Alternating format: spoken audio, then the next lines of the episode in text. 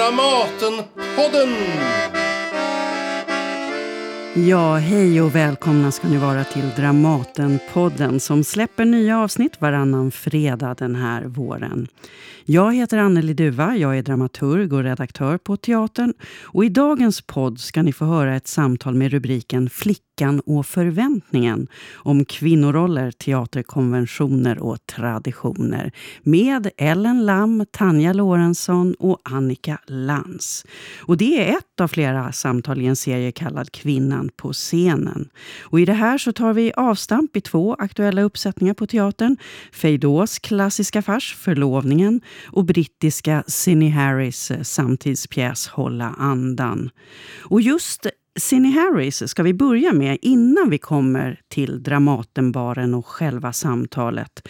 Hon kom nämligen till Dramaten för premiären av Hålla andan och regissören Lena Endre och dramaturgen Jakob Hirdvall passade då på att ställa några frågor till henne. Och vi kommer in här just när hon svarar på hur det kom sig att hon skrev den här pjäsen. really. But um, I wrote it in 2000, just at the end of 2013, when um, there had been the first boat of refugees across um, the Mediterranean. And, and I remember reading the report, and I was on a train, and I remember hearing someone say, Well, why on earth would anyone get on a boat when they knew it was going to sink? Why would, you know, what a stupid thing to do? And I, it made me so cross because I felt, well, obviously you would only get on a boat if you were desperate, and that there was a lack of kind of um, uh, it, w- it was a lack of imagination more than a lack of compassion to, to realize that actually we live such a privileged life. I felt. Dramatikern Cindy Harris som här berättade att hon skrev den här pjäsen i slutet av 2013 och det hela började med att hon hörde en kvinna på ett tåg som talade om flyktingar och sa varför i hela världen skulle någon gå på en båt som de vet kommer att sjunka? Och hon blev då så rasande att hon skrev den här pjäsen. Och hon berättade också att många av hennes pjäser har ett element av magisk eh, realism. Men en av de saker som var speciella med att skriva just den här pjäsen var att den både utspelar sig i den värld hon känner och att det var ett sorts moralitetsdrama, nästan Faust-likt. And I found when I was writing it that I found those two worlds quite difficult to bridge because you know you're either in the kind of mythic world or you're in the, the naturalism. And i was kind of scratching my head about this for a while. And then i was in a i was driving um, in the car and uh, on the radio came uh, dante's inferno. And there of course is this character of virgil the, the, the poet guide who takes us. And i thought ah that's that's what i need. I need a guide. I need a character who can inhabit both worlds and who literally takes the audience from one to the other.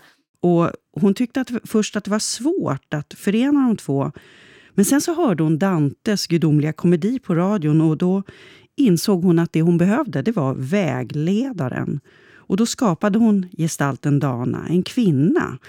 För vanligtvis i litteraturen så är det ju en, när någon ska vara en everyman så får ju det vara en man.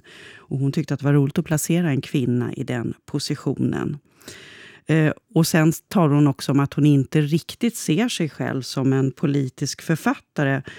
Men att själva akten, att skriva en pjäs i sig, är alltid politisk. I don't think about myself in those kind of terms because I think other people can can do that commentary on your work and in a sense, you know, once I've finished a play, I, I try to I come and see it, other people's productions, but I try to leave the analysis out of it because I don't want to get bogged in. But I do think that writing a play is always a political act in some ways. Och från Cine Harris så tar vi oss till Dramatenbaren och det samtal vi hade där med rubriken Flickan och förväntningen.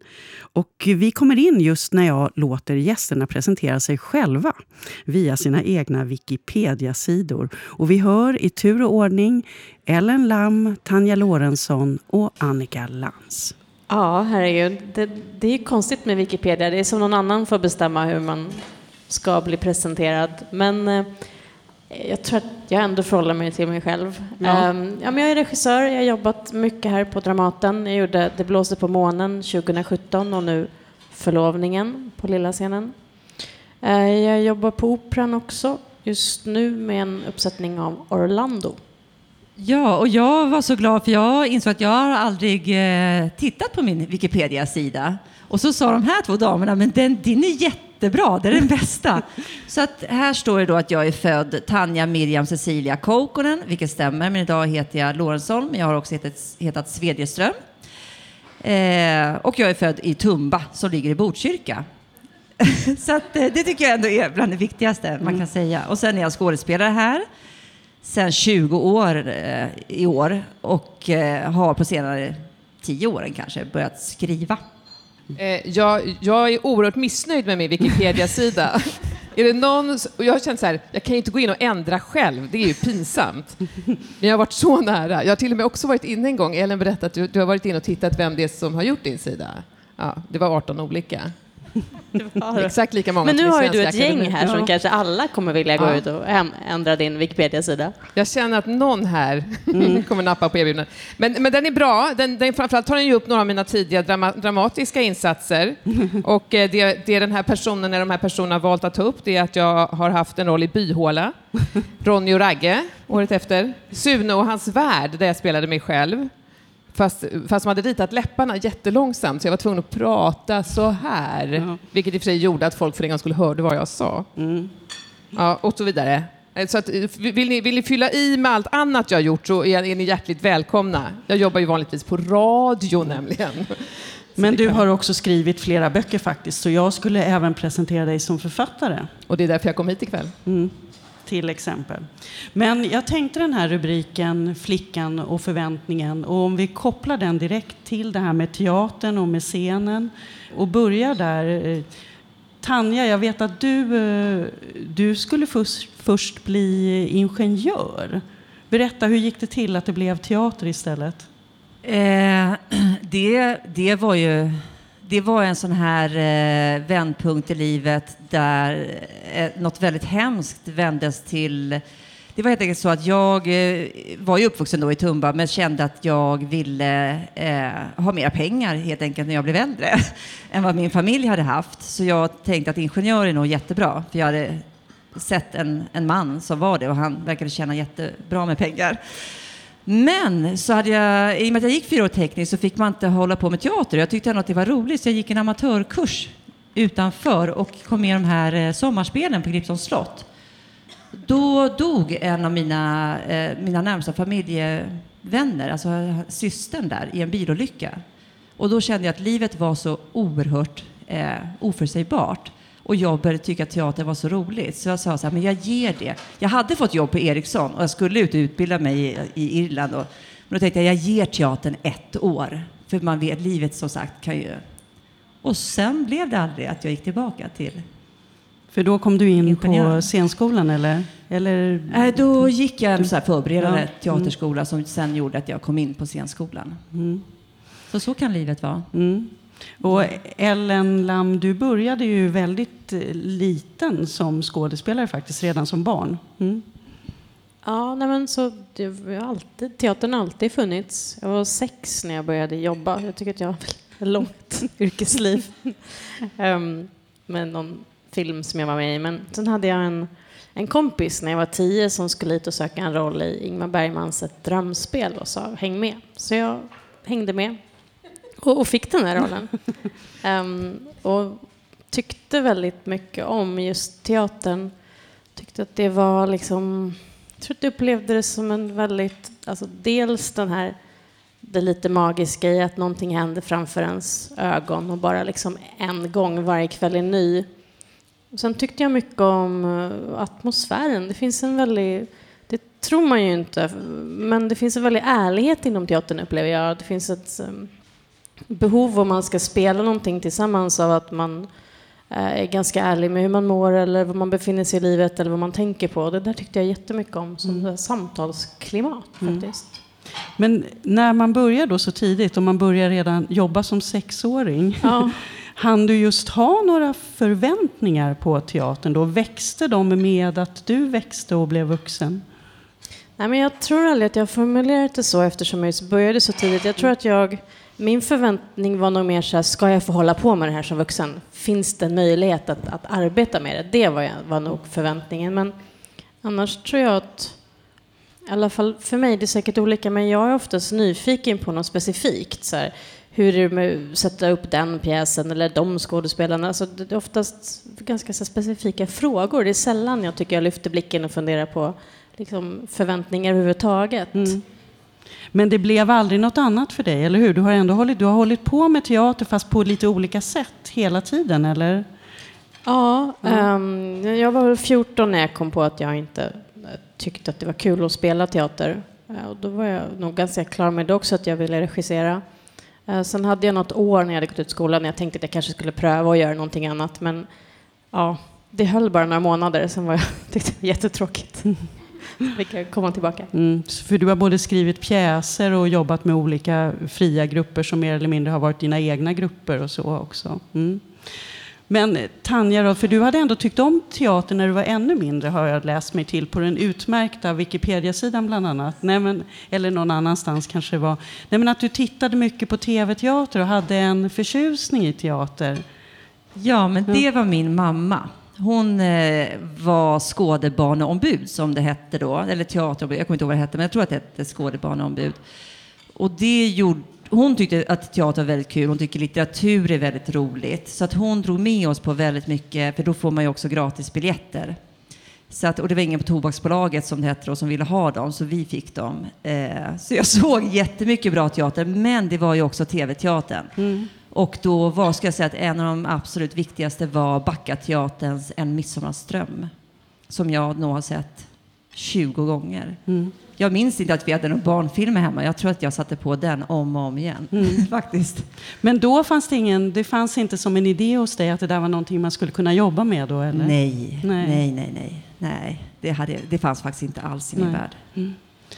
Och Annika, du ville ju också bli skådespelare från början, väl? Ja, Anneli, ja, det vill jag. ja. Ja, för mig var det ju liksom tvärtom. Att när, jag var, när du liksom fick din första roll, Ellen, det, året innan, när jag var fem, så såg jag...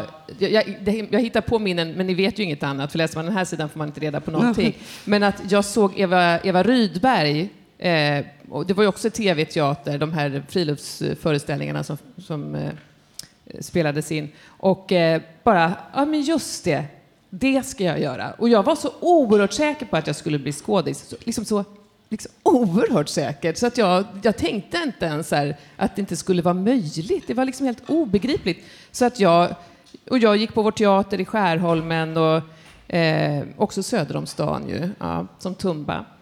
Och eh, sen sökte jag scenskolan och så kom jag liksom inte in, vilket var helt sjukt eftersom det, det, här, det här skulle bara hända. Jag, kom inte ens, jag vet inte hur, om ni vet hur det går till, men man söker, då är det fyra omgångar, man måste liksom komma igenom första omgången, vilket typ inte borde vara så svårt. Och sen kommer man till andra provet, tredje, fjärde. Jag kom aldrig ens till andra.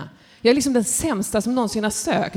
Fem gånger sökte jag och sen bara, Nej, men det är inte, det är inte knokt, det går inte. Liksom. Och jag började långsamt också fatta att jag var väldigt dålig. I början var jag bara så här, "Va- släpp in mig. Men sen, sen så insåg jag att gud, jag är, är fruktansvärd. Eh, nu är jag däremot superbra. Men, men jag menar då, jag var verkligen inte en, en stark eh, aktris. Ja, det kan jag säga. Men varför ville du bli skådespelare? Vad var det i det som du trodde var så för dig? Ärligt talat så, så är det här en fråga som eh, jag fortfarande, nu när du ändå förberedde oss lite inför det här samtalet, det skulle vara spännande att höra vad, vad ert svar är på det, för att jag, jag, eh, från början var det bara, jag vill ju vara Eva Rydberg, inga konstigheter. Men sen när jag började formulera det, när jag blev lite svårare och vi startade en egen grupp, vi som inte kom in på scenskolan. Eh, tack för ert stöd. Och, och eh, då så sa jag ju såklart att jag ville bli skådespelare för att jag hade så mycket att berätta, men jag hade ju ingenting att berätta. Eh, jag ville bara synas. Och lite så tänker jag att det kanske var för mig. Och, det kanske, och på riktigt, igår när jag låg och pratade med min man om det här, eh, eller satt, vi kanske satt, eh, så, så insåg jag att eh, det kanske är därför jag inte var någon bra skådis. Ja, men på riktigt att jag inte riktigt hade någonting som var så viktigt för mig att förmedla. Plus att jag inte vågade, tror jag, lite göra ert, det jobbet ni gör så bra. Men du, du hade själv, du ställde en fråga nu. Vad var det du sa? Det där vill jag höra vad Jo, ni men just det, varför Ja. ville ni bli skå skådespelare? Eller liksom, du kanske inte hann tänka då. Men... Nej, jag vill aldrig. Nej. Nej, du, det är kul att du aldrig ville och ändå blev. Och Tanja, men du då? Ja, men jag tror att det var...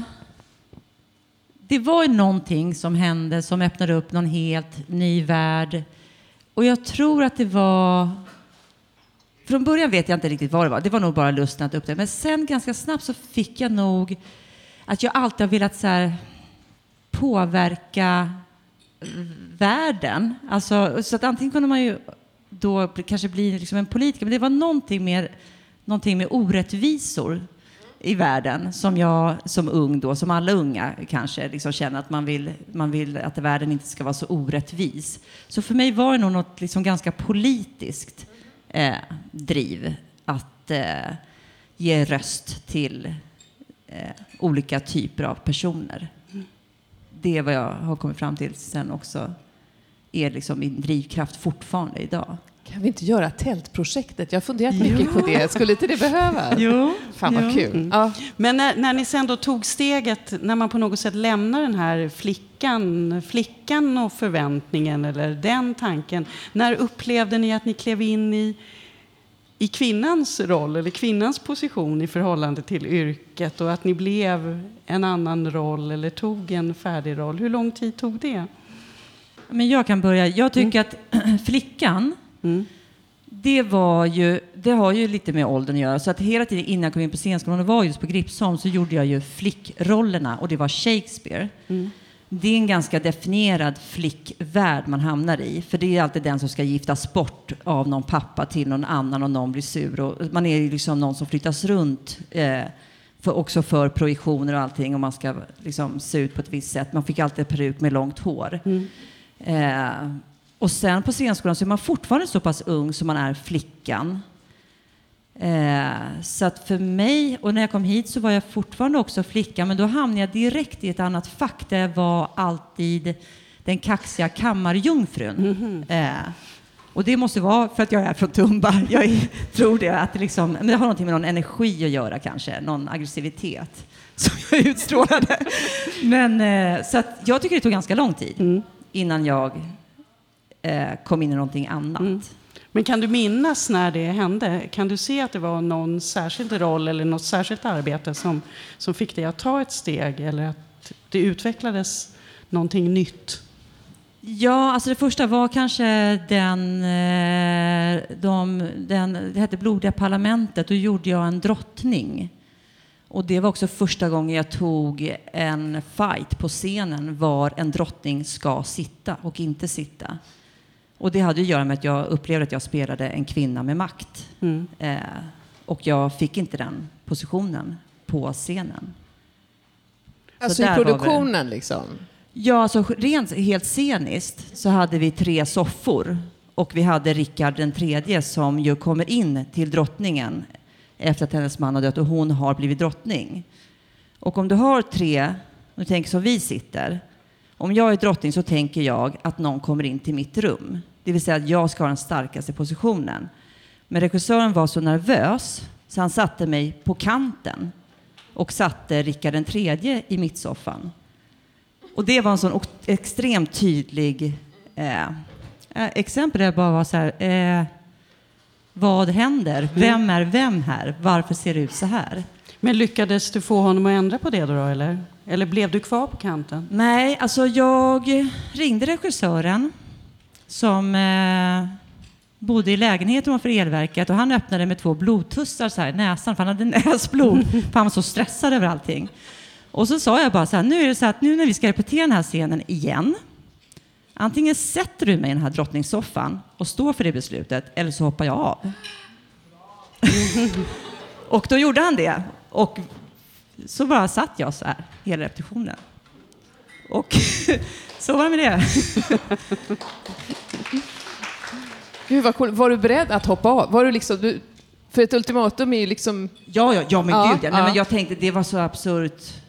Eh, ja, det var en sån absurd situation så att jag kände så här, det, liksom, det, det hade ju med hela då såklart då en, en, en regissör som inte vågade leda, som inte vågade ta de här jobbiga besluten. Och då antingen var han tvungen att ta det här beslutet, annars kunde inte han leda produktionen. Och ville han leda det på det sättet att liksom det är någon flugornas herre, då kan jag inte helt enkelt faktiskt vara med. För då kan man inte jobba. Nej. Han kanske borde blivit ingenjör istället.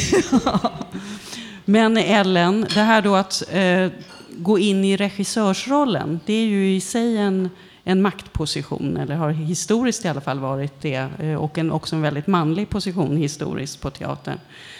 Och du började som väldigt ung att regissera. Hur, var det där ett, någonting som du fick erövra, tycker du? Att... Ja, eller jag tycker kanske snarare att erövrandet har handlat om att inte spela regissör.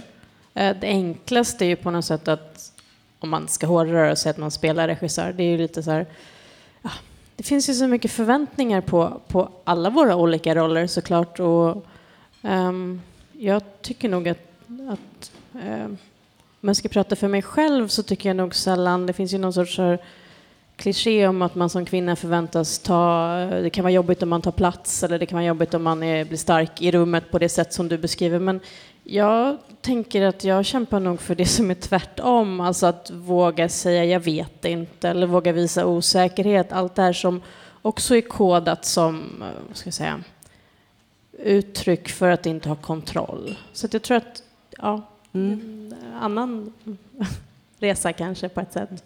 Men, men det, det låter som, har du ändå kunnat känna dig trygg i det och på något sätt gjort det ganska metodiskt och lugnt då, eller har, varit, har du haft några kriser? jo, men det är klart, det har ju, det, det, alltså, alla typer av ledarroller tar ju lite tid och, och ära över om man försöker eftersträva någonting som ska kännas då autentiskt eller som att man själv hittar sitt sätt att leda så, så tar ju det lite tid. Mm.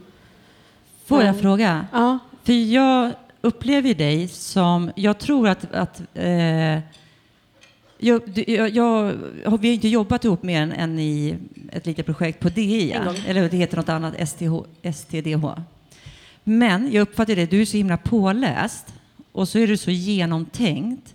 Och så, så jag tror att man upplever inte dig kanske som osäker. Men jag har pratat med andra kvinnliga skådespelarkollegor under det här året kring hur olika vi behandlar kvinnliga regissörer och manliga regissörer.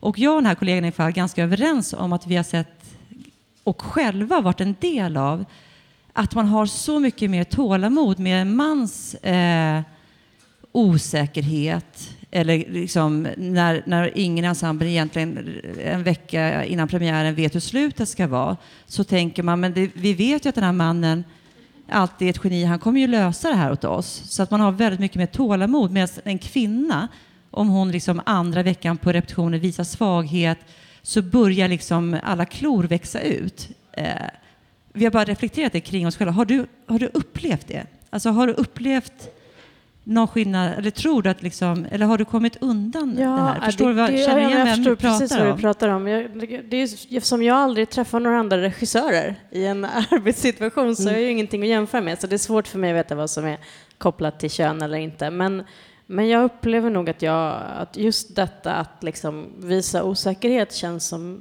det finns ett stort tabu kring. Det kanske finns det oavsett kön, men, men där tycker jag att jag liksom slåss för att just, jag tycker alltid att jag vet inte ska kunna vara ett relevant svar. Eller jag vet inte, men jag återkommer ett svar, kanske man snarare skulle säga.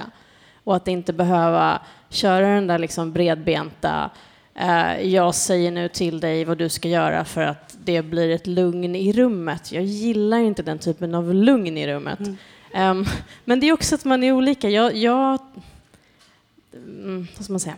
Ja, men mycket av att repetera handlar ju om att liksom skapa ett rum där människor kan bli kreativa. Eh, som regissör handlar det om att liksom alla ska jobba och alla ska kunna ha tillgång till sin kreativitet. Och ju, ska säga, ju avs mer avspänt det är i rummet, desto mer kreativt kan det bli. Det är ju ganska enkelt. Eh, och det gäller mig också såklart. Om jag blir jättestressad av någon som verkar lite hotfull eller som har bestämt sig för någonting som jag inte är överens med, då blir inte jag heller speciellt kreativ.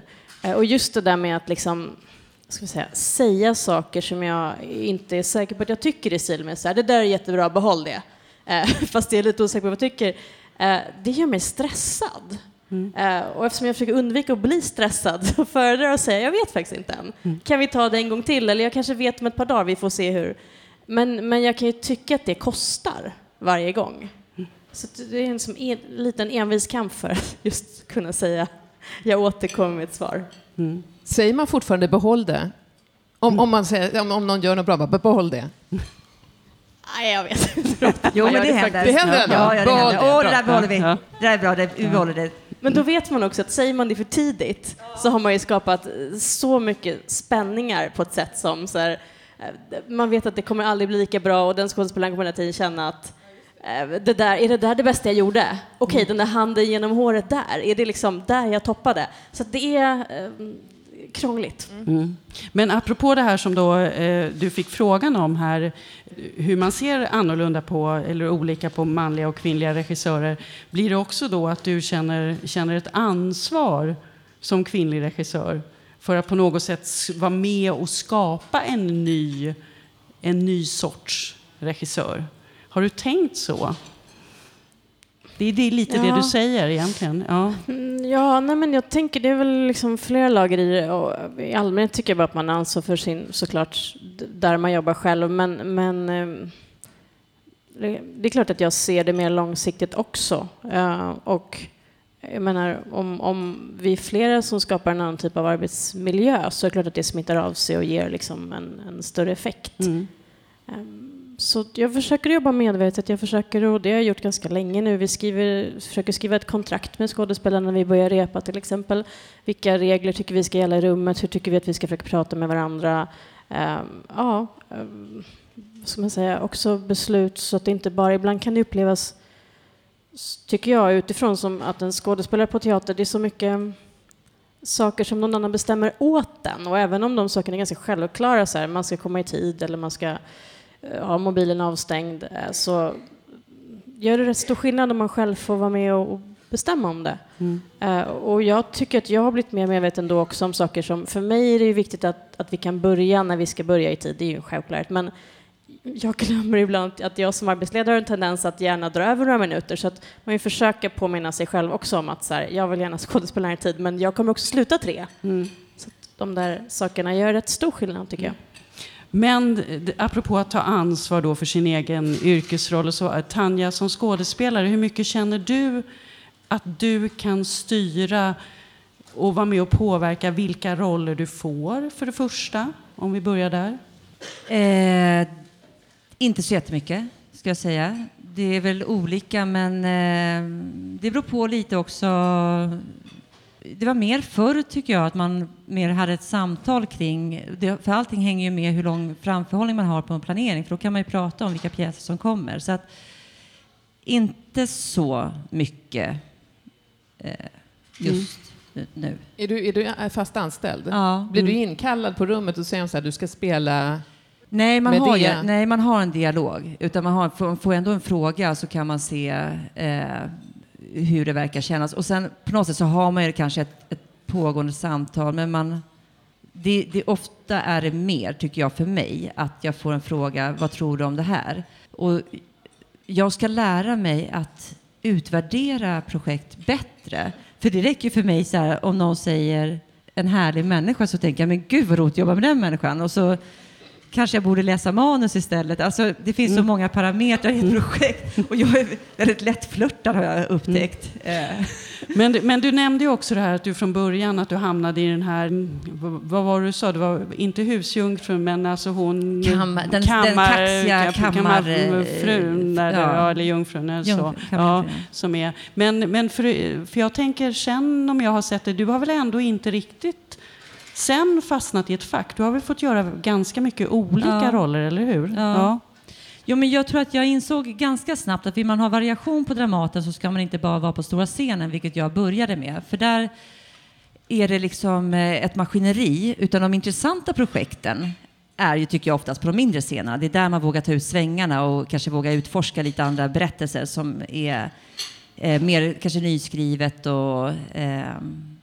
ehm, Så jag, nej, jag tycker att jag har fått gjort ganska mycket olika. Mm. För sen började du också skriva själv, eller Mm. det kanske du har gjort hela tiden, men du fick någon sorts genombrott faktiskt som dramatiker med en monolog du skrev, Mormors svarta ögon, eh, som handlar om din mormor, din mamma och dig själv. Mm. Alltså tre kvinnoroller, tre kvinnogenerationer. Hur kom det sig då? Hur var bakgrunden till det?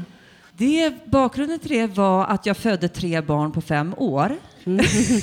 Vilket gjorde att jag var borta härifrån. Tre döttrar Tre, dessutom. tre döttrar Ja, dessutom på fem år. Eh, vilket gjorde att jag var ju gravid eller mammaledig eh, jättelång sammanhängande period. Så när jag kom tillbaka så var alla de människor jag hade jobbat med hade liksom eh, slutat. De regissörer de jag hade haft kanske så här. Så att jag så, helt plötsligt var det faktiskt första gången som jag inte var inplacerad i någonting.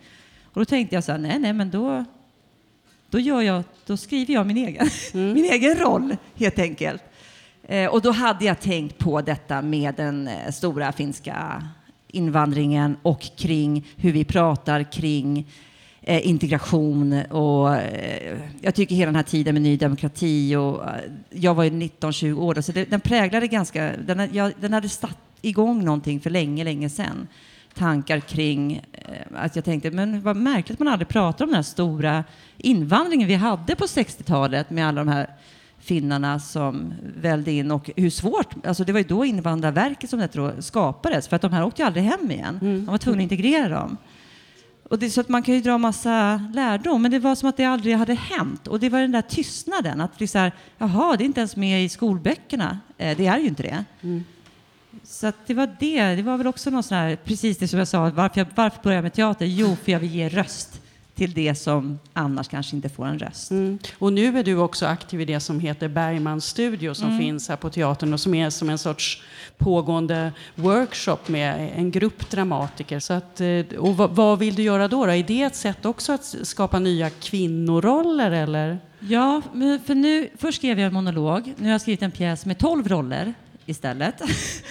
eh, och då är det en eh, ung tjej som är i huvud, den ger liksom som en navet. Och sen så finns det eh, flera, tycker jag, väldigt roliga roller för en kvinna som är runt så här, 50 år.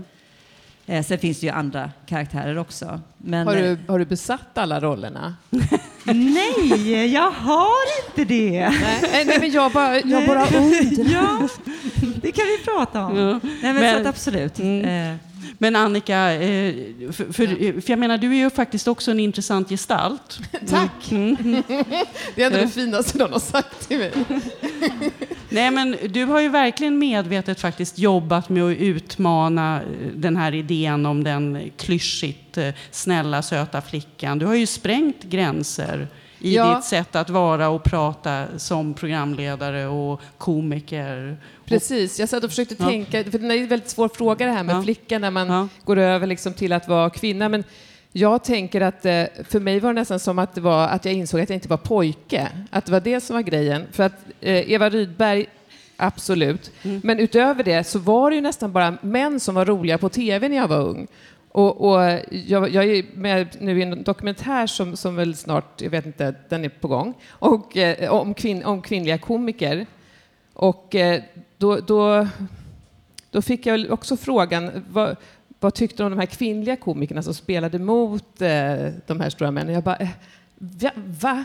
Det struntar väl jag i. Jag vill ju vara fucking Charlie Chaplin. Liksom. Jag vill inte vara de där kvinnorna som hade så här svinsmå roller. Och, det där, och, och, och min min, jag vet inte om man ska säga det, på sätt och vis var det min, min smala lycka att jag verkligen trodde att jag var en av grabbarna så himla, himla länge. Det var ju först när jag kom upp i 30-årsåldern som jag fattade att ingen av grabbarna tror att jag är en av dem. Utan jag är bara liksom, i många, alltså det låter ju gnälligt, men i många sammanhang var jag liksom ett blont alibi, liksom. att vi, vi ska ju ha en tjej också. Och så var det ju länge. Jag, en, en sak som faktiskt står här som, som jag själv tycker kan vara kul, det är att jag har varit med i Parlamentet. Mm men, men där var det ju då så väldigt länge att det var en tjej och tre killar med jämt. Ehm, och, och, och då började jag långsamt se också, apropå eh, att skriva, att det som den typen av humor som tilldelades mig, eller som man förväntade sig av mig, det var eh, att driva med kvinnor och män utifrån att män var den starkare. Liksom. Och, och jag bara, men gud, och att jag hade gått på det, det var också en skam på något sätt. Och sen så skrev jag en artikel om det här i tidningen Bang, eh, 2008 och, och det blev ju ett jävla liv. Då hade jag ändå tagit upp det här med folk på, på produktionen och så vidare och ändå var det så här som att de aldrig hade hört det. Eh, och det och då, då var det väl jag, fatt, jag fattade att jag inte var eh, en, en, poj, en liten pojke bland grabbarna utan att jag var en jävla kvinna. Liksom. Och utifrån det, ja, och den, den, den, den rollen håller jag fortfarande på lite grann och jobbar med. Mm.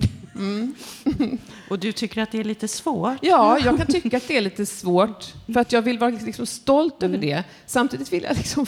Jag älskar roliga killar, liksom på riktigt. Vissa vill jag ligga med, så mycket älskar jag dem.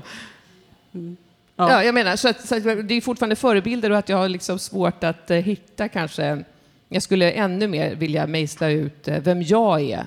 Och jag håller på med det. Jag har ju fått chansen att, att leva, vilket är super. Så att jag fortsätter på den här resan. För det har du skrivit en bok om också, så att inte- det var inte bara ett skämt. Att du, har, att, du, att du faktiskt har fått fortsätta leva. Ja, just det att jag faktiskt har haft cancer och det. Så, och det, det blev ju också, men, men då har jag varit så upptagen med det, så nu när jag inte är så rädd för det längre, så börjar resan på nytt på något sätt. Vilket är spännande också. Att då är det så här, vem är jag nu? Men jag hade, ju, jag hade ju skrivit en massa frågor här som man gör när man ska förbereda något sånt här. Man sitter och tänker och så får, har man massa papper som man sen inte ens tittar på. Men en fråga som var, som var lite spännande, för det var två personer här hade en fråga som de kände sig tveksamma till och det var samma fråga. Och därför så måste jag ju nu på något sätt säga vad det var för fråga. Eh, för att vi började prata lite om den. Och, och det var frågan vad det egentligen, om man tittar på, på dramatiken, den klassiska dramatiken, vad det egentligen finns för, för roller för kvinnor. Och så hade jag någon hastigt formulerad, fast jag tror ändå rätt korrekt tes om att flickan, som vi ju redan har nämnt, flickan finns inte minst alla Shakespeare-flickor. Eh, och sen så finns det någon som är den här åtråvärda kvinnan. Det kan vara fröken Julie, det kan vara Marsha i Tre systrar till exempel som någon sorts den som man kanske skulle vilja vara. Och sen är det gumman. Sen fanns ju också, nämnde du då, kammarjungfrun som ju är liksom en sorts ung variant på gumman egentligen om man ska vara lite... Eh, men då, då var det någonting med den här frågan om, när jag ställde den om är det så här, är det här de enda roller som vi har haft historiskt och hur ser det i så fall ut nu? Som, som liksom var lite, eh, lite jobbigt eller så. Var, var är, varför, varför vill man inte svara på det här? Eller vad är det? Eller vad vill man, hur vill man protestera? Hur, eh, vad var det som liksom väckte ett frågetecken? Ja, men först var mitt frågetecken så här, men jag kunde se de unga flickorna, för jag tänkte Ja. att det var liksom Shakespeare. Och så gumman, då tänkte jag, det är Siv Rud, allt det hon gjorde, alltså här när jag kom till teatern. Och sen kunde jag inte riktigt komma på, men vem är den åtråvärda kvinnan? Och då tänkte jag på Hedda Gabler och Fröken Julie, tänkte det kanske är dem. Men alla de tre exempel du tog upp, Hedda Gabler, Fröken Julie och Marsha, de Två av dem dör ju. Och Marsha dricker är ju alkoholist. Eh, så att det finns ju ett pris eh, för att vara den där åtråvärda kvinnan. Det var min spontana reaktion. Men sen, sen visste jag inte riktigt så här, hur... Alltså egentligen så tänkte jag, vad är frågan? Är det om det är... Om de är med oss fortfarande i den moderna dramatiken. Det var nog det jag tänkte. Jag kan se dem ganska tydligt i den klassiska, de, de äldre pjäserna. Men om jag ska försöka översätta dem till idag så... Nej, men det får vi väl verkligen hoppas. Och det Ja. är väl också min, min tes att nu ser det ju inte ut så där längre. Nej. Men då skulle vi göra en liten fin snygg brygga här. För egentligen så hade vi ju tänkt prata också lite grann om Cindy Harris eh, då eh, relativt nya pjäs skriven 2013, Hålla andan, som Nina Sanjani är med i. Och nu är inte hon med här idag, men vi har ändå sett den. Och, och där finns det ju, Ninas roll i den är ju väldigt intressant. Eh, för det är en kvinna som börjar med att hon har ett, eh, ett engångsligg helt enkelt med en snygg man. Som dagen efter vill, han vill betala henne. Och hon är, hon är ingen prostituerad, hon är student, hon är forskare.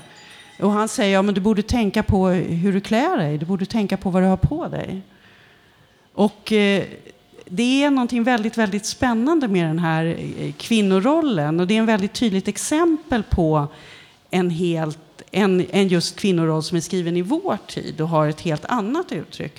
Men ni har ju sett den. Vad, vad, vad tänker du Annika Lantz eh, till exempel? Ja, alltså det, den är ju spännande för att den här, om man är liksom vilket man såklart inte kan göra, men om man skulle ta bort den där första scenen så kan hon ju också, historien, det är en fantastisk pjäs, den handlar om så många saker.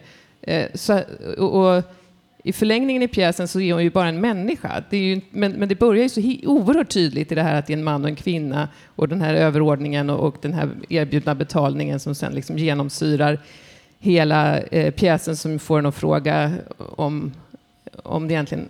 Det handlar inte om sex ju, som, det handlar om makt och, och, och vem är det som har makt över vem i, idag och så vidare. Eh, så att den, den är ju inte specifikt jag tycker inte att den är specifikt kvinnlig just också för att jag kunde så mycket identifiera mig med henne. Hon, som, som eh, hon, hon, är ju liksom, hon är bara en, en tjej i en storstad som håller på och studerar, eller hon är väl klar kanske. Jag fatt, hon, mm. hon, hon, ska sälja, hon försöker sälja sitt arbete liksom, och, eh, som inte är prostitution utan en akademisk examen och så vidare. Mm. Eh, och sen så, ja, jag vet inte hur mycket, vi ska väl inte berätta för mycket. Men, men ja, vad, vad var frågan egentligen? Nej, alltså, men det var mer om ni hade fått några särskilda tankar kring henne som en kvinnlig dramatisk gestalt. Ja, men det spännande ja. är ju att hon är människa, ja. att hon inte är kvinna, mm. utan att hon bara hon är en människa som utsätts, som vi alla, liksom, mm. oavsett kön. Och, och, det är ju spännande mm. att, att en kvinna får vara det. Och det är faktiskt precis vad dramatikern Cindy Harris har sagt. För att hon har sagt att hon ville skapa en sorts everyman, alltså en sån här ställföreträdande eh, berättare eller ledsagare genom dramat. Och hon just tänkte varför är det alltid en man? Och så skapade hon en kvinna. Men kan man på något annat sätt se, den är också regisserad av Lena Endre, så det är både en kvinnlig dramatiker och en kvinnlig regissör eh, till den uppsättningen. Är det någonting som man ser överhuvudtaget? Eller som sätter sin prägel? Ja, men jag tänker att det är alltid texten som kommer styra vad det är för föreställning. Och här är det liksom verkligen Eh, jag, tycker, jag, tycker, också att det var en jättebra eh, föreställning mm. och jättebra text just för att eh, den handlar inte om henne, hur det är att vara kvinna. Den handlar om att den här mannen blir så vansinnig på att han inte får betala de här 400 kronorna för då är hon skyld, han är skyldig henne någonting. Han blir inte fri om inte han kan. Så han försöker ju under hela den här resan genom Europa eh, tvinga henne att betala dem, eh, att han ska betala henne de här 400 kronorna. Mm. För att han, det är någonting med Max, att hon inser också att hon vill ju inte ge honom den, den friheten att han ska kunna betala sig fri från det här ligget mm. på något sätt. Eh, så att jag, jag vet inte riktigt, jag kan inte avgöra riktigt om, alltså, det, för det är samma sak där, vad betyder det att det är en kvinnlig regissör? Ja, det är en regissör helt mm. enkelt. Men, men kvinnogestalten känner man ju är såklart eh, supermodern. Mm. Skönt att se inte alls någon som skulle kunna gå och stoppa in i någon av de här gamla kategorierna. Nej. Och det är väl det som är kul. Men Ellen eh, Lam, jag vet att du har, du har ju flera gånger låtit då, eh, kvinnliga skådespelare göra manliga roller. Och det är, har du gjort så där medvetet som ett sorts projekt nästan. Ja, vad är, vad, ja, ja. Men det börjar nog bli ett projekt faktiskt. Ja. Um, ja, men det är väl flera orsaker till det egentligen. Jag menar, dels konstnärliga, jag kan tycka att det är roligt när man sätter ihop en grupp människor att det är något som är lite, vad ska jag säga, ologiskt. brukar vara bra att ha någonstans i en rollsättning. Um, och sen har det nog varit också, jag hade Therese Brunander som spelade den här farliga greve Hula Hu i Det blåser på månen. Jag kan tycka att kvinnor är liksom läskigare för mig än män, så för mig var det ganska naturligt att sätta en kvinna i den rollen. Ehm, men, men också faktiskt, eh, om man vill att kvinnor över 45 ska kunna fortsätta spela teater, om man vill ha någorlunda balanserade ensembler när man gör klassiker, så tycker jag att det är en jättebra sak mm. faktiskt. Mm. Nu har du ju gjort en klassiker, Feidås Förlovningen, som, som ni har kallat den, eh, som är en ny titel. Ja. Mm. Den heter egentligen, den har hetat lite olika saker, men den heter... Ja, den har, ja. Den har bara ja. gått i Sverige en gång och det var 120 år sedan. och då heter den Fernans giftermål. Ja. Men, men i, på franskan heter den en fil à la patte, mm. som då betyder en boja runt foten. Mm. Men, men där är ju också, för då är det ju, det är ju en gammal pjäs. Ni har flyttat fram den i tiden lite grann från 1880 till 1930-tal. Eh, och där är ju kvinnor också som ändå har olika drivkrafter verkligen. Man har ju en väldigt modern kvinna i, ja. i centrum. Ja. ja. men det var ju någonting som lockade mig med den pjäsen från början, att, att den kvinnliga huvudpersonen är ju liksom försörjer sig, hon har ett yrke, hon försörjer inte bara sig själv, hon försörjer sin syster, sin exman som också har vårdnaden och tar hand om barnet. Alltså, det är ju saker som, som jag höjde på ögonbrynen lite när jag läste, med tanke på att den är skriven 1894. Så den har ju en, en del saker som känns påfallande moderna. Mm. Um, och sen finns det ju flera kvinnogestalter då inom, hon är exempel på en kvinna, finns det en det är ju en man i centrum som, som lever med henne men som behöver gifta sig rikt med en, en yngre kvinna med pengar. Mm. Så det är ju lite grann också två, eller vi, jag har nog sett det mycket som två olika kvinnogestalter ställda mot varann. Mm. Men det är ju roligt med den unga kvinnan som ska gifta sig med honom. Ja. Eh, hon är ju inte alls eh, då den konventionella flickan på det sättet som Nej. tycker att det där är det bästa ja, men i världen. Det är ett spelstilsval ja. också ja. väldigt mycket. Hon är ju skriven som faktiskt bara puckad om man ska vara krass. Så väldigt. Och så har vi valt att spela henne, eller Elektra Hallman har valt att spela henne mer som, som eh, kanske trött på honom. Ja. Men, men mycket tycker jag i den så har handlat om ett förhållningssätt. Liksom att väljer man att spela en kvinnogestalt som är bara jobbig eller väljer man att spela en kvinnogestalt som um, som en man älskar. Mm. För jag, har, jag skrev ut lite av dialogen. Det är därför ja. jag nu tittar i mina papper här. För just när mamman, baronessan, då, talar med sin dotter och, och säger just att eh, men är du inte glad över att bli Monsieur Bois hustru? Det gör detsamma, svarar hon. Ja, men hur då gör detsamma? Ja, men det är ju bara, det är ju bara för att få en äkta man, svarar dottern. Ja, men det räcker väl bra. Varför tror du att man gifter sig egentligen, säger modern. Ja, för att göra som alla andra, säger dottern. Först är man liten och byter ut sin barnflicka till en guvernant. Och sen blir man stor och byter ut guvernanten till en äkta man. Ja. Sen blir det inte så roligt nu när jag bara läser och knappt ser vad det står. Men, men, men, men Elektra Hallman som gör det, gör det ju väldigt... och alltså, Tova Magnusson. Ja, och Tova Magnusson som gör baronessan. Det, det är faktiskt en väldigt uh, rolig scen och då blir ju samtidigt hela pjäsen genast mycket, mycket mer modern bara för att man i alla fall får in ett motstånd. Ja. Jo, men det roliga är också för det, även om då den här Viviane, unga flickan, på många sätt är skriven som lite dum så, så, finns det också någonting roligt i att hon vill, vad ska man säga, hon drömmer om en man med mer erfarenhet då helt enkelt. Um, och blir väldigt besviken när den här tilltänkta inte verkar ha det. Och det är också mm. roligt. Det är roligt att göra en kvinnogestalt som faktiskt vill ligga, eller en kvinnogestalt som bara är så, åtminstone nyfiken och vill, om hon nu ska ligga, träffa någon som kan mer om det än vad hon kan. Mm. Så det var ju också på något sätt en idé att man hade liksom eh, kvinnlig erfarenhet ställd mot kvinnlig oerfarenhet och också vad ska man säga, den oerfarna kvinnans blick på den erfarna och det där när man längtar efter att här, någon äger någonting som man vill uppnå. Mm. Men vad, vad, vad, tänker ni om förlovningen? Ni har ju sett den också. Och just, det är ju många kvinnoroller. Och, ja, mm. men, och där, där tror jag att hade jag fått den, hade jag fått det manuset och tänkt så här, ja men det här ska vi göra, då hade jag nog tänkt så här, åh herregud, hur ska man göra det här idag? Och för mig var det som att titta så här, när man sitter och tittar på Talang eller något sånt där, något sånt trollkarl på tv. Man ser tricket och tänker så här, hur gjorde de? Och så får man se det, men man fattar inte. För mig var det som att se, jag satt och tittade på och tänkte så här, men jag tycker det här är jätteroligt. Mm. Jag fattar inte, hur gör de? eh, så att, eh, jag tyckte ju fruktansvärt mycket om förlovningen och jag, jag kan fortfarande inte idag förstå så här, för ni har, bara, ni har bara skruvat det lite, lite. Alltså det är just det här som du säger, de här lite eh, de här valen som Elektra har gjort, men också hur eh, Maja Hansson Bergqvist, alltså det har med hela kroppsspråket, alltså det är någonting i det som, som det har gjort som helt plötsligt på ett helt omöjligt sätt förflyttar denna gamla 1800-talspjäs till någonting som funkar idag. Jag är helt fascinerad över det och jag är fortfarande förundrad. Jag, fatt, jag fattar fortfarande inte hur det gick till. Mm. Så är, det är min analys. Fint. Ja. Vad, vad, säger du, Annika Lantz? Det, det, här, du, du som då är komiker också, det här ska ju vara kul. Ja, men det var ju kul. Jag vet inte om jag sett något som jag skrattat åt på på Dramaten. I, det här, I alla fall att det var så uppenbart eh, inbjudande. Liksom. Och, och eh, jag blev väldigt nyfiken på den här systen som var den som ja. jag uppfattade som den som Marceline. var den liksom äkta längtan efter kärlek. För, men Lucette visste man inte riktigt, liksom. men, men att det fanns en sån... Eh, eh, och det är ju väldigt härligt att få ha, väl, ganska lyxigt att ha en sån person i en, i en sån föreställning som bär det här hela tiden utan att egentligen vara i centrum någon gång. Men ändå är det den personen som, jag, som levde kvar längst på något sätt.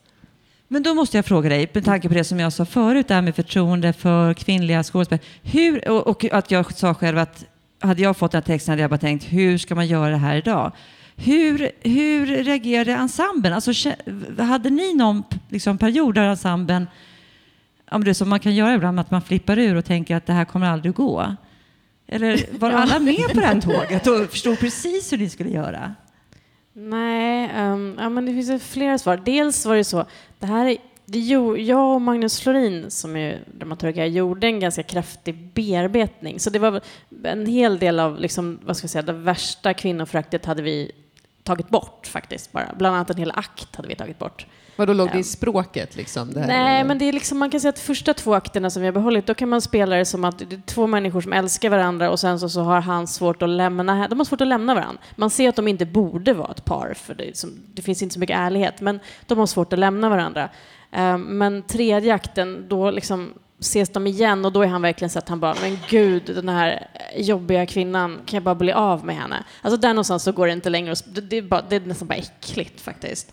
Så att när den försvann så gick det liksom att spela den på andra sätt. Uh, och sen har vi försökt lyfta bort just sånt som gjorde då Lucette, den här nattklubbsartisten, liksom lite dum. Mm. Så att vi har gjort någon sorts sån sållning. Um, nej, men det fanns väl massor av tvivel i ganska långa perioder. Jag har ju aldrig satt upp en fars innan. Um, och alla sa innan att det var det värsta man kunde göra. och jag tänkte så här, ja ja, men um, det är rätt hårt. Uh, eftersom det är roligt första veckan och sen inte så roligt, utan väldigt så här...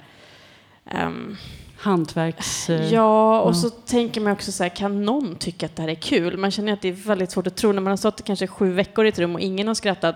Så liksom, det är helt omöjligt att tro att någon någonsin... Du, du har säkert mer erfarenhet av det och kanske du också Tanja, men, men det var det var bitvis rätt plågsamt. Så jag tror att kanske frågetecknen var mer där än just eh, liksom, personskildringarna.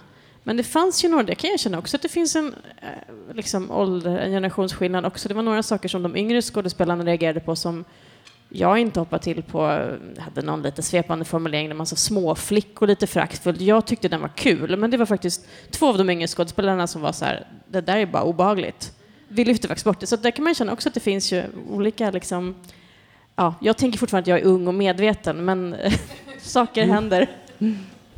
Men eh, vi firade ju här eh, den 8 november på teatern så firade vi årsdagen av Tystnad tagning, alltså i metoo-rörelsens spår då. Och du har ju varit väldigt aktiv, Tanja, i det här till exempel. Och du prat, började ju också prata lite där om att vissa diskussioner kanske ser annorlunda ut nu eller att man pratar om saker som man kanske inte har pratat om tidigare. Va, va, vad säger du Ellen? Har du märkt något under det här nu? Snart, snart är det ett och ett halvt år som har gått eh, sedan det här upproret startade. Ja, men det tycker jag. Jag tycker att det finns en ökad medvetenhet och en ökad förståelse.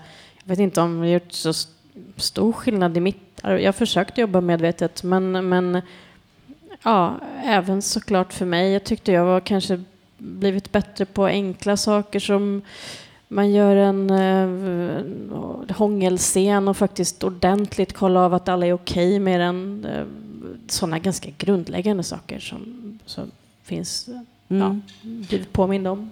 Vad säger du då Tanja, vad har du märkt för förändring? Att den, eh, att den är ibland svår för att det är som att det har skett en jätteförändring i kanske medvetenhet vad man... Eh, alltså egentligen så här, om, om, man upptäcker saker i en pjäs som man arbetar med som känns helt skevt, som man förut bara skulle tänka så här, ja, ja, det det, det, så här är det ju, eller så här pratar man. Till exempel det som ni tog bort en replik, att de här tjejerna reagerade på.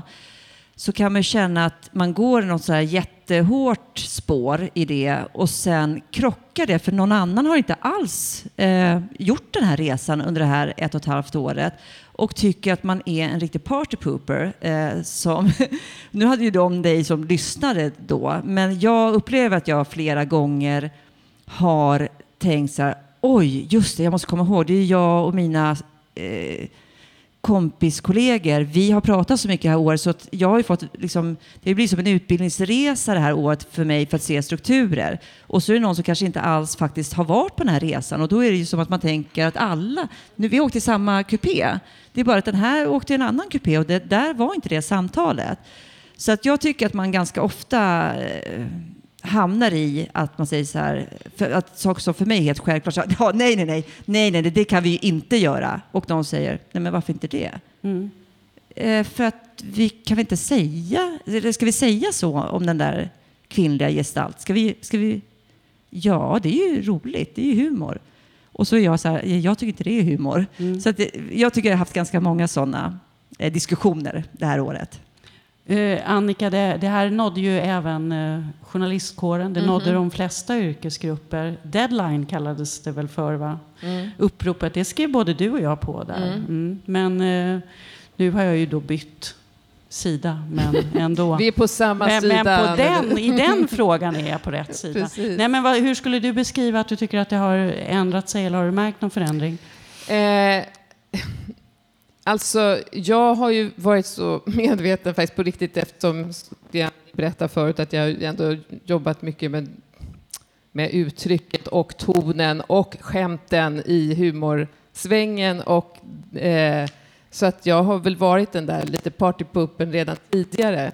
Men för mig är det väl i det att barnen blev väldigt, eh, de var redan också kanske för att de har varit tvungna att lyssna på mig, men, men att de var medvetna. Men, men nu, nu är det liksom som att jag är sexist i min familj. För att jag, precis som du säger, vi är uppvuxna under en tid där man skojade på ett visst sätt, förlåt så himla mycket, vid matbordet då. Och då, och då kan de bara, men vad fan mamma, så där säger man inte. Och gud vad du är sexist. Och jag bara, men det är inte jag som är sexist, jag är feminist.